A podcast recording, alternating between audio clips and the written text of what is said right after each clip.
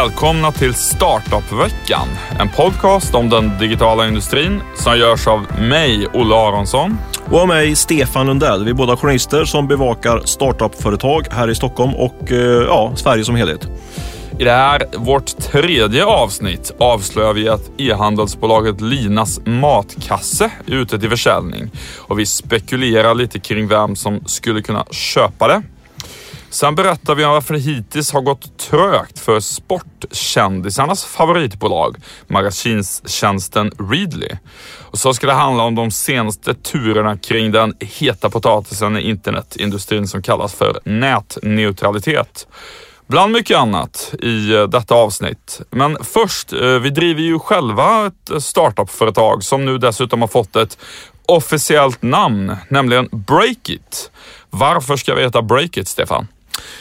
Ja, det där har vi ju verkligen eh, stött och blött de sista månaderna nästan blir det väl. Vi har ju fått en hel del eh, namnförslag, vi ska återkomma till det strax. Men ja, det, det enkla svaret är att eh, Breakit, vi gillar Breakit.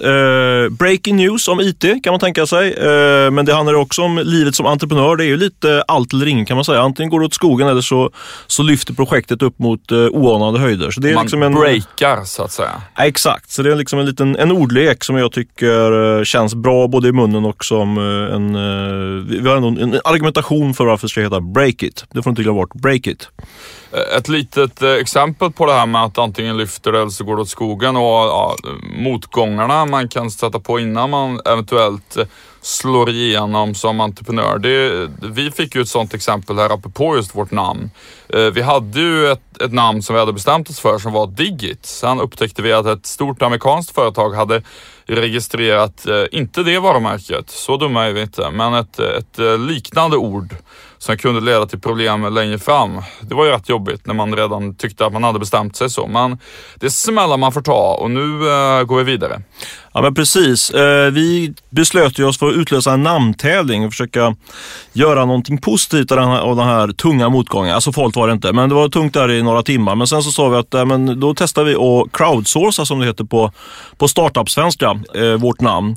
Och vi har fått in som sagt en massa bra förslag, flera hundra förslag tror jag det är, från ett, vad är det, 20-tal personer som har mejlat in oss förslag och twittrat. Men vi handla, landade faktiskt i, i Breakit som är eh, ska vi säga, ett förslag inom den, eh, från, från den trängre kretsen här kring vårt, eh, vårt startup. Det var, tyckte jag var lite jobbigt. Det har varit väldigt kul att ta ett namn som kom in från alla de här entusiastiska lyssnarna. Och jag vill verkligen lägga till att det var många bra förslag där, men vi hamnade i Breakit-namnet. Men vi skulle gärna vilja premiera alla ni som har kommit in förslag och eh, det var första priset i den här tävlingen var ju att man skulle få en lunch eller frukost med antingen mig eller Olle.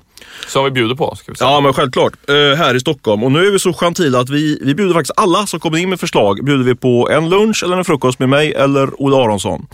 Dock här i Stockholm, vi kan inte ta oss runt i, i, ut i landet även om jag gärna skulle vilja det. Eh, så vi kommer höra av oss till alla er som har kommit in med förslag och eh, komma med ett lunch eller frukostdate-förslag eh, helt enkelt.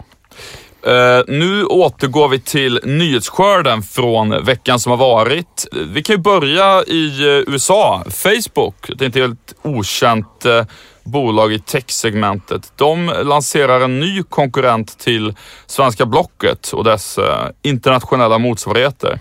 Det kommer att läggas till en säljfunktion i Facebookgrupper om eh, du vill sälja eh, någonting, vad som helst, böcker till exempel, till dina Facebook-vänner så kommer det läggas upp smidigare funktionalitet i det.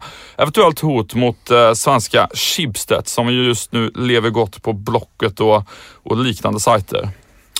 Precis, det ska bli intressant att se vad den, om den lyfter den känslan inte. De brukar ju få fart på det, Facebook.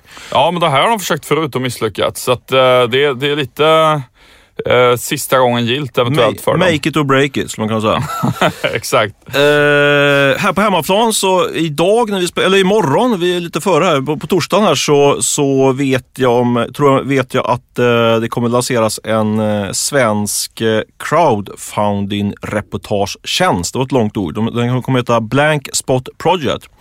Som är ett väldigt spännande projekt måste jag säga. Det är eh, Martin Schibbye som satt fängslad i Etiopien tillsammans med vad heter han? Persson. Johan Persson. Johan Persson, precis. Eh, blev fri och skrev en väldigt bra reportagebok om detta. Det är han tillsammans med bland annat den digitala strategen Britt Stakston eh, och redaktionen för Omvärlden eh, som har gått samman eh, och startat den här plattformen som då heter Blank Spot Project. Och det handlar i, princip om att man ska eh, crowdfunda, alltså samla in pengar bland eh, läsarna för olika projekt, eh, reportageprojekt. Eh, och man kommer samla in pengarna via crowdfunding-plattformen Founded by Me. Eh, man startar nu och håller på i två veckor. Eh, jag tycker det är ett jättespännande initiativ det här och jag tror faktiskt att det finns potential. Det finns exempel tidigare på crowdfundade reportage eh, här i Sverige. Erik Schult och Per Johansson. Erik Schult är en av mina favoritjournalister måste jag säga. Han driver ju en podcast nu som är en av de bästa intervjupodcasterna i världen skulle jag säga. Eh, den kan jag verkligen rekommendera. Sök på Erik Schult och, eh, Schult och 60 minuter så hittar ni den. Men han körde i alla fall en, en eh, podd ihop med en annan podd, drog han in pengar till med, tillsammans med Per Johansson som heter Myter och Mysterier och det gjorde han via Kickstarter och fick in över 100 000 kronor. Så det, kan, det går att få fart på det här om man kommer med ett tillräckligt intressant journalistiskt projekt. Och jag kommer gå in som ägare kan jag säga här och nu. Kommer du göra det Olle? Ja, jag är lite, jag är jättepositiv till projektet ska jag säga. Jag, jag försöker hitta någon snygg formulering nu utan för att slippa avslöja att jag är snål. Nej men skämt åsido så Uh, jag, jag tror jättemycket på det där, men jag, jag vill nog se den tekniska plattformen lite hur det är tänkt man ska funka. För att få riktigt bra snurr på den här projekten så ska man ju få bra delning i sociala medier. Liksom, jag stödjer det här, stödet du också.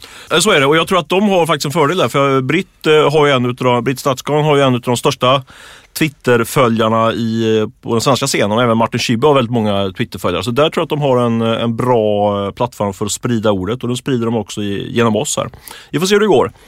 En annan eh, intressant nyhet som jag tog del av nu bara några timmar innan vi kliver in i studion här är att den svenska Youtube-stjärnan Pewdiepie, eh, även känd som Felix Kjellberg, han är inte längre den som tjänar mest på Youtube. Eh, det rapporterar en analystjänst som heter Social Blade som samlar in statistik och analyserar den om, om Youtube. Kan man lita på den? Jag har aldrig hört talas om den. Men har du... Ja, jag var inne och tittade på tidigare listor som de har publicerat och eh, man kan väl säga så här att eh, jag tycker absolut att det är en tillförlitlig källa om man tittar på vilka som har refererat till den tidigare.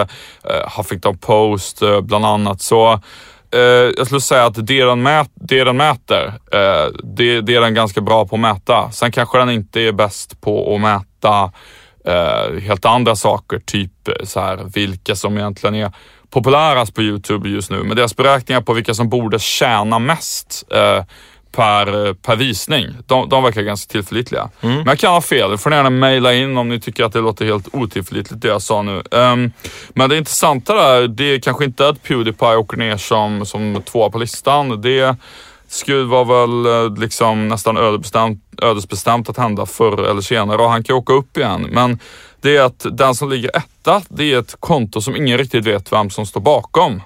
Det heter Disney Collector BR och det är en anonym kvinna som öppnar paket med barnleksaker i inför kameran.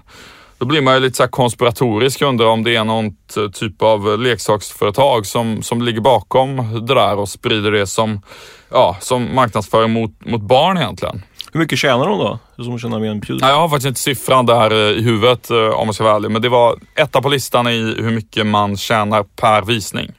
Okej.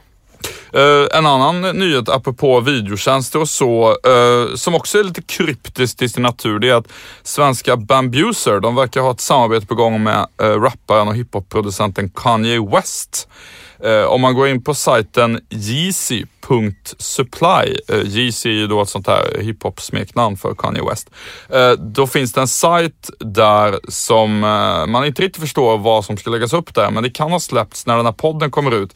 Någon typ av live-streaming samarbete mellan Kanye West och Bambuser verkar vara på gång här. Och han har tidigare twittrat eh, utan att riktigt avslöja några detaljer om det här samarbetet. Eh, men det ligger en sån nedräkningsklocka nu på Yeezy.supply Så det ser ut som det kommer avslöjas vad det handlar om, eh, om, om en och en halv dag ungefär. Okej. Okay. då ska jag rapportera att jag har träffat en kvinna som heter Annette Nordvall eh, som är affärsängel här i Stockholm och hon jobbar bland annat eh, väldigt aktivt med, aktivt med något som heter Stockholms affärsänglar. Hon sa till mig att Stockholms affärsänglar som består av ett 20-tal mindre investerare de håller på att dra in en lite större fond på ett par hundra miljoner kronor och redan innan sommaren hoppas de att fått ihop pengarna. Eh, det kräver då förmodligen att de får kapital från någon lite större investerare. De här affärsänglarna har ju, är ju välbärgade personer men de badar inte pengar som vissa andra gör. Så, så de skulle nog behöva någon sån liksom ankarinvesterare för att få pengarna på plats innan sommaren tror jag. Kanske, kanske kan de be Christer Brandberg om lite kapital. Han fick ju loss över 3 miljarder kronor nu när den här Axis-affären annonserades i början av veckan. Det är ju japanska Canon. Det är väl japanska va? Canon? Ja, det vet jag inte. Jag Nikon, tror det. Nikon är japanskt. Det Canon också är japanskt. Ja, jag tror det. Vi, vi säger det. Annars Canon vi... kan Canon brukar man ju säga i alla fall. Precis, om man vill köra en gammal slogan. Nej, men så, han sålde ju, den är ju inte, affär, den är inte klar den affären här, men allt tyder väl på att den affären kommer gå igenom på ett eller annat sätt och han kommer då få loss över 3 miljarder kronor. Och han, det är så att Christer Brandberg, han driver ett eh, ganska aktivt eh, tech-investeringsbolag som heter Guldspång Invest. Eller framförallt är det hans bröder, eller hans söner Gustav och Magnus som är aktiva där i Guldspång Invest. Eh, och han flaggade Christer i, i en intervju med Svenska Dagbladet här att han skulle lägga en del pengar på, på nyinvesteringar. Så eh, det kan bli ett, ytterligare ett eh, pengaregn över, över en eh, Stockholm och, och Sveriges techscen kanske. Och från kameraövervakningsbolaget Axis i Lund till Göteborg. Chalmers tekniska högskola där, de har bestämt sig för att göra en storsatsning på entreprenörskap. Eh, de startar ett nytt dotterbolag och VDn Linnea Landau, hon får en halv miljard till sitt eh, förfogande för att stimulera lite olika projekt. Det är lite... Det är pengar det med. Ja, precis. Det, Det- Det, det, det känns lite, eller väldigt mycket ska jag säga, som ett tecken i tiden. Att det, det lossnar nu vad gäller den typen av, eh, av investeringar. Ett coolt bolag som jag bara vill tipsa lyssnarna om, som jag hörde om eh, här i veckan förresten. Det är World Favor. Har du hört talas om dem, Stefan? Jag har aldrig hört talas om det. Men det är World Favor, det är som eh, sloganen är väl gör världen en tjänst ungefär. Eh, det är ett bolag som jag tyckte verkar väldigt intressant. Ett gäng från Bollnäs som har gett sig in i hållbarhetssegmentet kan man väl kalla det för. Det är eh, till skillnad från många andra startups som gör eh, appspel och annat så har de riktat in sig på ganska eh, tunga frågor rörande företags sociala ansvar och så. Vad World Favor gör det är att de samlar in data om hela leverantörskedjan för olika produkter. Till exempel om man köper en tröja eller en dator eller någonting. Då ska man kunna gå in på World Favor och se hela ledet. Var är den här tillverkad? Var kommer materialen ifrån och så vidare och följa det. Och så ska det vara helt transparent för vem som helst som är nyfiken på det. Och de vill bli världens största databas och, och sökmotor för den typen av information. Väldigt intressant tycker jag om man tänker sig själv att man i framtiden kommer kunna gå in i en app bara när man står i affären och se vad, vad, vad kommer det här ifrån och liksom se i, i flera led. Och vad, vad ser affärsplanen ut? Vad tjänar de pengar på? Ja, det finns, eh, det är ett bolag i väldigt tidig fas kan man säga, även om de har byggt på den tekniska plattformen länge. Eh, det finns egentligen eh, flera modeller. Bland annat kan det vara att man kan erbjuda folk som vill kolla att företag uppfyller krav enligt massa olika kriterier. Den som vill undersöka det på ett ganska avancerat sätt, att det uppfyller den här FN-standarden och den här EU-standarden och så vidare. Så kommer gå in och göra mer avancerade sökningar för det. Ja, professionella användare. Ja, sådana CSR... eh, Ja, precis. Man kan ta betalt för det. Och sen så kan företag också betala dem för att få möjligheten att ha en sån sökruta eller ha informationen på sin sajt sammanställt. ehm, Ja, för att få en widget egentligen, för att prata lite webbspråk på sin sajt. Eh, intressant modell tycker jag. Mm. Eh, annars så har jag själv gjort lite uppföljning på Vionel som ju var vår huvud, eh, huvudnyhet i, i förra podden. Eh, jag har eh, testat betaversionen nu, sökt runt en del i den. Har du varit inne något, något mer i den? Ja, en kort bit. Jag vet inte, jag, får man säga så? Jag fick lite kalla fötter när jag gick in andra gången. Jag håsade den här i förra podden rätt rejält liksom och eh, jag tror fortfarande att det var en stor potential den här, den här eh, tjänsten. Men eh, Ehm, jag vet inte, när jag hade lite bättre om tid och surfa runt så fick, kändes det som det fanns lite övrigt att önska på något sätt. Liksom. Jag tror att, uh, ja du har ju kollat länge, mer på det, men jag, jag vet inte, får man lägga in en sån brasklapp här efter att man, efter den här håsningen som var förra veckan? Efter kärleken vid, vid första ögonkastet så blev jag lite mer skeptisk där. Nej men det, det är ju en betaversion ska vi säga då. Det tycker jag alltid man ska förtydliga med sånt här att det är bolaget säger självt att det här inte är färdigt på något sätt. Eh, men eh, jag har sökt runt då i, i Vionel, filmsökmotorn där. Och det bästa är ju att det finns väldigt stort utbud. Man hittar alla möjliga gamla stumfilmer och så. Eh, och verkligen inte bara ja, de senaste komedierna och sådär som man får mer intrycket av det som finns på till exempel Netflix om man bara söker på det. Uh, och det, man hittar också streamingtjänster som ja, inte ens jag visste finns. Så på så vis funkar det ju marknadsföringsmässigt. Jag hittade något som hette Headweb tror jag, som jag inte visste fanns. När jag ville se en film så stod det att det här kan du se på Headweb. Så att på så den vis... såldes förra veckan, den är nog ganska publik. Ja, den är säkert jättekänd. Det är bara jag som har dålig koll ja. på just det då. Men i alla fall så... Eh, såldes äh, eller köpte någonting. Det var något i förra veckan. Ja. Det, det, hände någonting i Headweb. Ja, precis. Uh, nej, men så här. Det, det som är, att själva sökfunktionen i Vionel tycker jag för närvarande inte är sådär superimponerande. Man, jag sökte till exempel på romantic feeling för att se vad som hände. Och då får man upp filmer som har ordet romantic eller ordet feeling i titeln. Alltså man mm. får inte upp alla filmer som har en romantisk känsla. Um, jag tror att det kräver att man använder tjänsten ett tag uh, och liksom hittar filmer via den så att den får information om vad man gillar och så för att kunna utvärdera hur bra den är på allvar.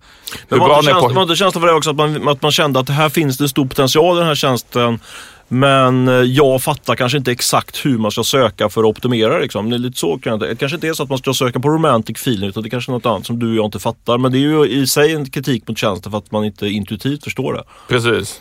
Så skulle det kunna vara, men, men det jag tänker någonstans det är att eh, om människor faktiskt börjar, börjar använda den, börjar liksom gå in, kolla på filmer via Vional, hitta filmer där, sätta betyg och så vidare och man får lite snurr där eh, då, då, då tror jag att liksom, om vissa personer då upptäcker att oj, den här, film, den här tjänsten är faktiskt riktigt bra på att rekommendera nya filmer till mig. Då, om några individer får den känslan så att säga, då kommer nog de individerna, i synnerhet om de är filmentusiaster överlag som gillar att det finns ett stort utbud och så, de kan ju bli jättebra ambassadörer för det. För ehm, ja, det, det, det, det, kanske inte är perfekt som det är idag, men det kanske är bättre än allt annat som finns. Och då kommer ju folk som ändå är inne på filmdatabaser kanske föredra Vinyl. Det är en förhoppning där, men eh, ja, färdigt är det långt ifrån. Nu Stefan, har du en väldigt intressant nyhet att släppa om ett av de mer omtalade e-handelsbolagen på den svenska marknaden, Linas matkasse. Det stämmer bra det. Det är så att eh, de nuvarande ägarna till Linas matkasse eh, vill sälja bolaget. De har anlitat Catella som finansiell rådgivare som brukar heta i de här sammanhangen. Och de är nu ute, de här rådgivarna, och eh, frågar efter potentiella köpare till bolaget. Eh, och mina källor säger att, eh, att ägarna till eh, Linas matkasse vill ha ungefär mellan 400 och 450 miljoner kronor. Och det är på ett bolag som omsätter ungefär en halv miljard under 2014 och går med vinst. Det verkar som att det händer en del i den här eh, ja, matkassebranschen får vi väl kalla det för. Bara nu för några veckor sedan såg vi att eh, Rocket Internet, den tyska eh, företagsinkubatorn slash riskkapitalbolaget, de gjorde en stor investering i den tyska motsvarigheten till Linas matkasse HelloFresh. Ja men absolut, det verkar vara ett ganska hett segment det här. Eh, samtidigt så tror jag faktiskt att eh, efter att ha pratat runt med folk som brukar ha koll att eh, eh ja, lite att de, de, gamla ägarna nu passar på. Eh, för det är, är ju en, en, marknad där konkurrensen ökar för dag för dag nästan skulle jag säga. De stora matjättarna har ju, har ju vaknat på allvar. Eh, Citygross har ju, har ju, kör ju med såna här matkassar och eh, ICA eh, med flera.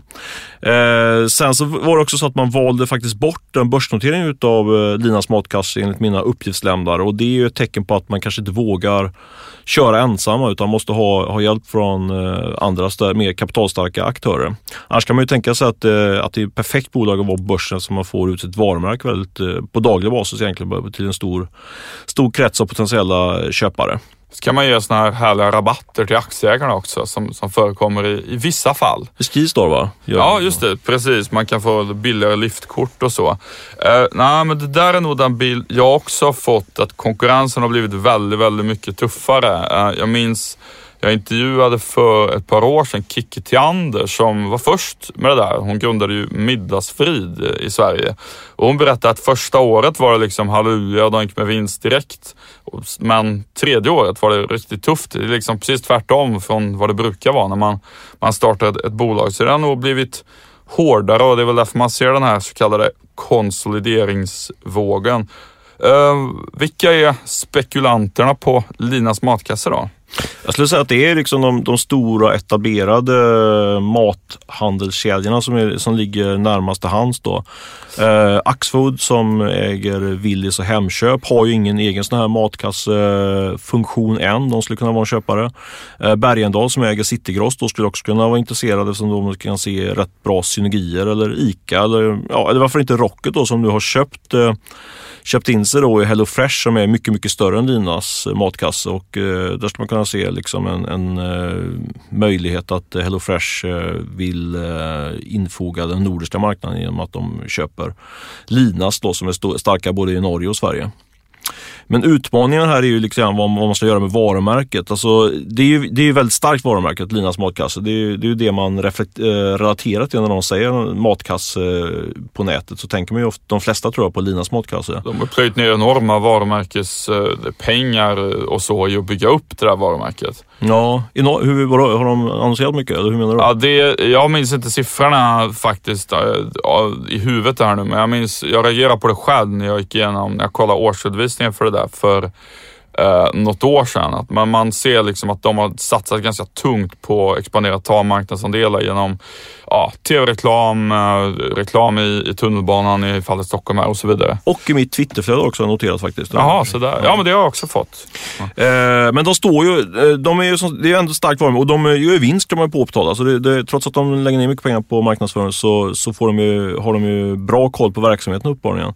Men en frå, uppenbar fråga är ju vad, vad som, ska Carolina Gebeck då som är, som är Lina, ska hon följa med i det här paketet eller kommer man behålla varumärket Lina trots att hon inte är med som ägare? Det tror man har en liten utmaning framför sig hur man ska hantera den delen. Mm. Det ska bli intressant att se där vem som, som slukar den. Eh, om ICA eller Axfood eller någon annan är. Vem som är mest köpsugen där. Uh, ingen börsnotering i alla fall alltså. Um, jag har en liten uh, nyhet på gång om uh, ett av de bolag som vi är väldigt förtjusta i att använda deras tjänst, i varje fall Readly. Ja, jag var ju supersugen i början. Jag måste säga att jag använder inte den lika ofta nu längre. det, är, det är som Vionel och allt. Vi, vi, faller, vi faller först som furor ja. vid första anblicken. Sen är vi lite mer skeptiska. Ja, men jag, var, jag är nog lite för, för ingrottad magasin, magasinkonsument. Jag, behöver, jag vill ha fullständig täckning på alla magasin och det finns inte alla magasin även om det finns många, flera hundra. Så jag är, nej, jag är, fort, jag är inte prenumerant längre. Det kanske är tecken i tiden med tanke på vad du ska berätta precis nu. Ja, uh, Readly då, den digitala magasinstjänsten, de eh, basunerade ut rejält förra året att eh, nu ska vi göra en stor expansion här, ta in 100 miljoner i riskkapital. Uh, och de har ju tunga investerare i ryggen, bland annat uh, Jesper Parnevik, den tidigare golfaren och Stefan Edberg som har varit världsetta i tennis och har mycket pengar från det att investera. Och även Johan Kviberg, eh, son till finansmannen med samma efternamn. Um, men Readleys mål om att omsätta 150 miljoner förra året, det har de eh, absolut inte lyckats nå. Det verkar faktiskt ha varit ganska trögt hittills att få in folk och, och vilja använda tjänsten. Och en del personer som har kommit in som användare har eh, har eh, slutat lämna tjänsten ganska snabbt. Lite så som du eh, verkar ha gjort då, eh, Stefan. Just det. Um, jag pratade med vdn Per Hellberg tidigare marknadschef, eh, vill jag minnas, på, på Sony i Sverige för övrigt. Jag måste, bara, jag måste bara avbryta för jag tycker att det är lite intressant det där med, för jag kommer ihåg Sverige när jag gjorde intervju med, med Per Hellberg, hette han så efternamn va? Ja. Uh, och, det, och, och de har hört resonemang tidigare från andra entreprenörer att man, eh, man räknar ut helt enkelt vad det kostar att köpa en kund och, eh, och, och li, livslängden på den kunden och så vidare. Och då är det ju liksom en ganska enkel ekvation att säga stoppar man in liksom 100 miljoner så kommer det generera i 300 miljoner i omsättningstillväxt de närmaste åren. Men det lät nästan för enkelt för att vara sant tycker jag ibland. Mm. Så det, att, är det verkligen så enkelt? Det måste ändå uppstå sådana som jag liksom, som i början är, är sugna men sen så blir mindre sugen efter ett tag och sådär. Eh, så jag tycker det var ganska intressant att, få den här, just att när du fick ta på honom och, eh, fick det bekräftat som jag misstänkte lite grann, att det kanske inte är lika enkelt som man tror allt det här när man så, har de här hårda siffrorna och sen bara stoppar man in det i, liksom, i marknadsföringsmaskinen. För vad som har hänt i Readly då, det är att de har haft eh, svårare än väntat att få folk att konvertera från någon som bara varit inne på sajten eller laddat ner appen till att bli en betalande användare. Um, och därför har de faktiskt inte heller tagit in så mycket som 100 miljoner i riskkapital. Mm. Utan de, de, tog in mindre. De, de, uh, jag minns att du skrev i din artikel där när vi jobbade på Dagens Industri en, en, en tid, som, det känns som sen som att det är länge sedan. Men eh, i april förra året så skrev du att de skulle ta in pengar på hösten också. Och det har de lagt lite på is där just för att de märkte att tjänsten inte konverterade så bra som de hade tänkt sig. Så därför har de fortsatt att skruva på modellen, tittat hur beter sig folk när de går in i appen första gången. Och då sa Per Hallberg ungefär så här att ja, det vi ser att när folk väl har gått in och, och bläddrat i tre magasin som de verkligen gillar, tre fisketidningar eller vad nu det kan vara, då, då hugger folk och vill vara prenumeranter. Men det är liksom en utmaning att verkligen få folk att gå in och leta runt och, och fastna i den. Många kanske bara laddar ner appen och går in och tittar en gång och känner att jaha, nej det var inget för mig och sen går man aldrig in igen. Um, mm. inte, inte helt lätt det där, uh, verkar det vara. Uh, men... Uh, på ja, för även om du känner till det så hur ska du få dem att, att bläddra i tre fiskemagasin? Alltså det, mm. därifrån, hade han någon lösning på det eller? Ja, men ett bara ett tydligt exempel där som, som jag kan tänka mig, det är ju om man jobbar med, med Facebook-annonsering mot folk som man vet är väldigt intresserade av, ja men säg ljudteknik liksom. Då kan du, om du har gillat den typen av, av magasinstitlar redan nu idag på Facebook, då kan du göra riktad Facebook-reklam mot ja, men du vet, män i åldrarna liksom 30-50 som är jätteintresserade ja, men det, är hela, det är hela poängen. Men, så här, men hans problem är ju att han lockar in de fiskeintresserade eller ljudintresserade in i appen. Men sen så börjar de inte bläddra för de måste bläddra i tre för att, för att bli hooked så att säga. Jo, men då, precis. Men då, då kan man till exempel hitta en modell för att en person som man vet kommer in den vägen kan då, då kan man visa liksom just de första tre magasin du ser är liksom sådana här ljudmagasin. Ja, då. då är jag med det. Att då, då, till ja, exempel om du kan bygga en modell så, då, då, hittar, då är det lättare att få eh, folk på kroken. Eh, så, men det är vad de skruvar med nu, men eftersom de inte hittar en modell som de är riktigt nöjda med där än, så har de inte vågat blåsa på med riktigt mycket ja, Facebook-annonsering, Google-annonsering och så vidare. Så, samtidigt tjocknar den till den marknaden. Det finns ett par stycken reella utmanare också, visst är det så? Ja, och framförallt de här Next Issue i USA som eh, ju liksom inte är någon startup egentligen utan som är förlagsbranschens eh, tunga bjässar, bland annat Hearst som är en superstor sån koncern i USA. De, de har gått ihop i en sorts liten ja, konglomerat eller konsortium, de aktörerna där i USA och bildat ett eget bolag som är Next Issue som eh, sitter med ett eh, stort gäng utvecklare i eh, Silicon Valley och, och utvecklar nya iPad-versioner av magasin. Och det är en tuff konkurrent förstås och kanske också en bromskloss som gör att Readly inte får in de här stora amerikanska magasinen i sin tjänst. Så att, och så har vi en i Sverige också. Ja, precis. Där har vi ju Story eh, som ju inte har kommit lika långt kan man säga och de har inte tagit in alls tillnärmelsevis lika mycket pengar heller. Men ja, och det finns flera utmanare så vi får se hur det går med Readly. Per Hallberg har inte gett upp på något sätt ska jag säga, men hittills har det gått lite trögt.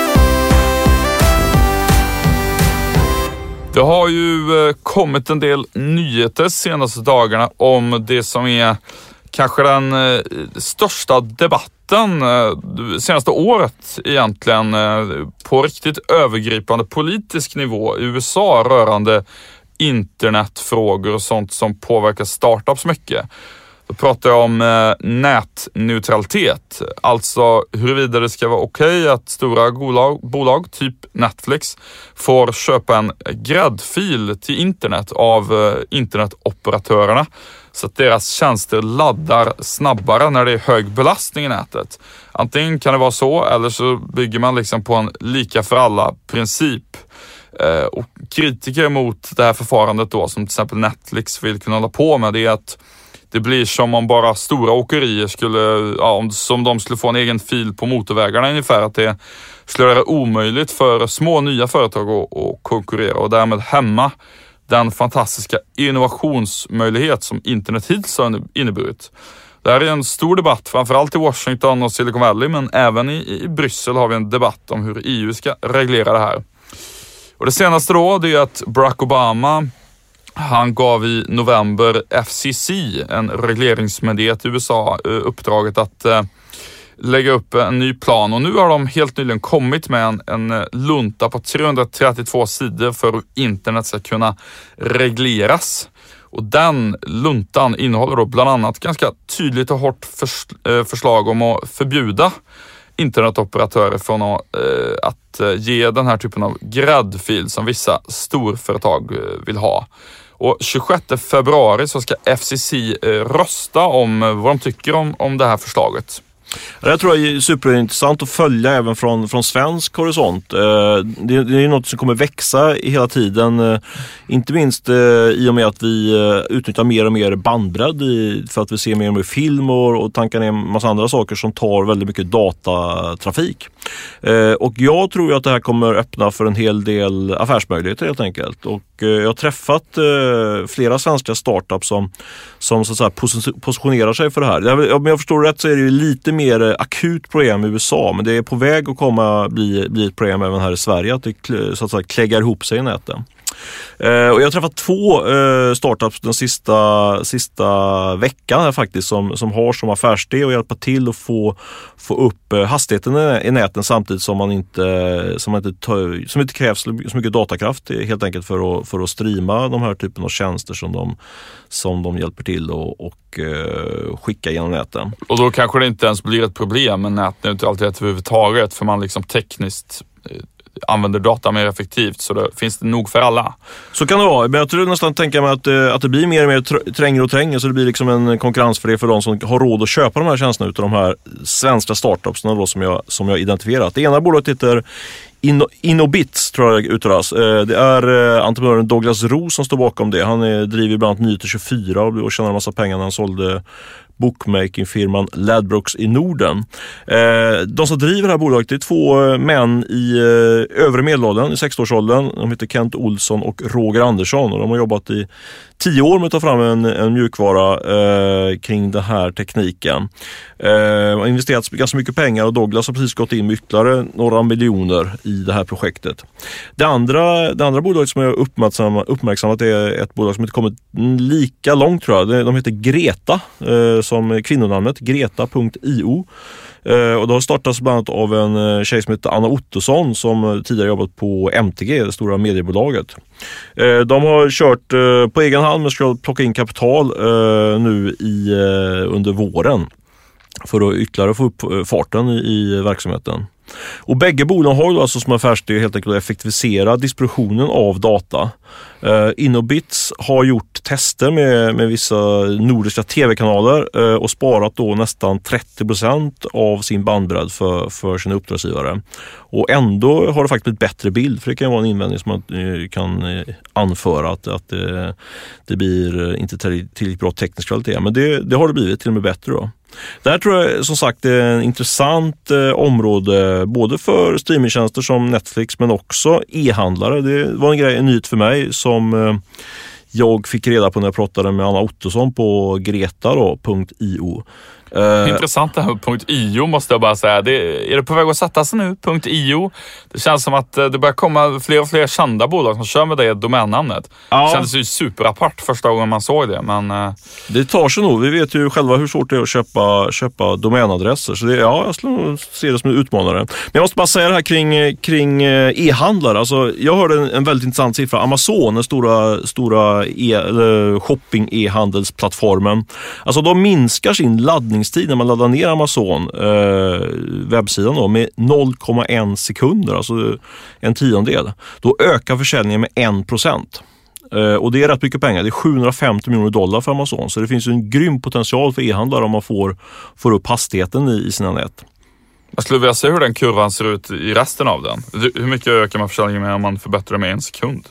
Ja, det är väl 7,5 miljarder. Om, om, någon har den, den charten så är det bara att mejla över. Jag är, jag är, sugen på den. Men det, det, det väl säga att Amazon har en extremt snabb nedladdning då, så de har, det är ju någonting de jobbar med hela tiden. Men ändå, det visar en del på potentialen. Jag tror att det finns ganska många lokala e-handlare som kanske inte har lika snabb, eh, bra teknisk kompetens som skulle kunna ut, eh, anlita då Greta.io eller eller Douglas Ros eh, bolag som hette så mycket som Innobits. Och då, då gäller det ju då, för att återknyta till det här med nätneutralitet, att eh, även hur mycket man effektiviserat dataanvändningen, så om det är så att liksom Netflix och eh, HBO har köpt sig någon gräddfil till nätet, så när det är riktigt mycket belastat, då då kanske e-handelssajterna eh, eh, laddar för långsamt ändå för att folk ska vilja handla där. Det, det påverkar men eh, vad ska man säga, det, eller den politiska processen är nog väldigt viktig också för typ en liten e-handlare för att slippa eventuellt bli diskriminerad eh, i, av en, ett stort företag som, som driver till exempel en, en streamingtjänst. Um, det låter ju lite grann som att Sverige är ett, uh, ett framgångsland på det här med att effektivisera eh, bandbredd i varje fall. Jag, jag, det slog mig att Transmode på Stockholmsbörsen har ju varit superframgångsrika inom det där och en av deras grundare Magnus Ackerman, han är ju runt och investerar i en massa startups i, i Stockholm. Kanske investerar i sådana här företag också. Och en annan person som har varit eh, framstående inom det är ju Jane Valerud, affärsängeln som vi intervjuade för inte jättelänge sedan. Hon eh, drev ju Techlow Networks i, i Schweiz som ehm, också var inne på att använda, göra mobilt bredband eh, betydligt mer effektivt. Så att eh, det är många personer med anknytning till Sverige som är, är duktiga på det där. Ja, men jag tror verkligen det. Det är ju lite, lite det är inte jättespännande. Alltså det är väl ganska, nätneutralitet låter ju inte jätte, det är ingen rubrikord om man säger så. Nej, eh, infrastrukturfrågor är väl inte lika hippa som, som spel och annat alltid kanske. Nej, men så är det. Men jag tror att eh, det här, jag tror att det här kommer vara ett tema som växer liksom. Eh, och som kommer vara intressant att hålla, hålla ögonen på. Vi kommer säkert återvända till det här ämnet eh, ganska snart. Det börjar bli dags att runda av det här avsnittet. Eh, fortsätt jättegärna lyssna på oss. Eh, vi finns ju, går att nå via alla möjliga appar, podcaster eller vad man nu använder för någonting.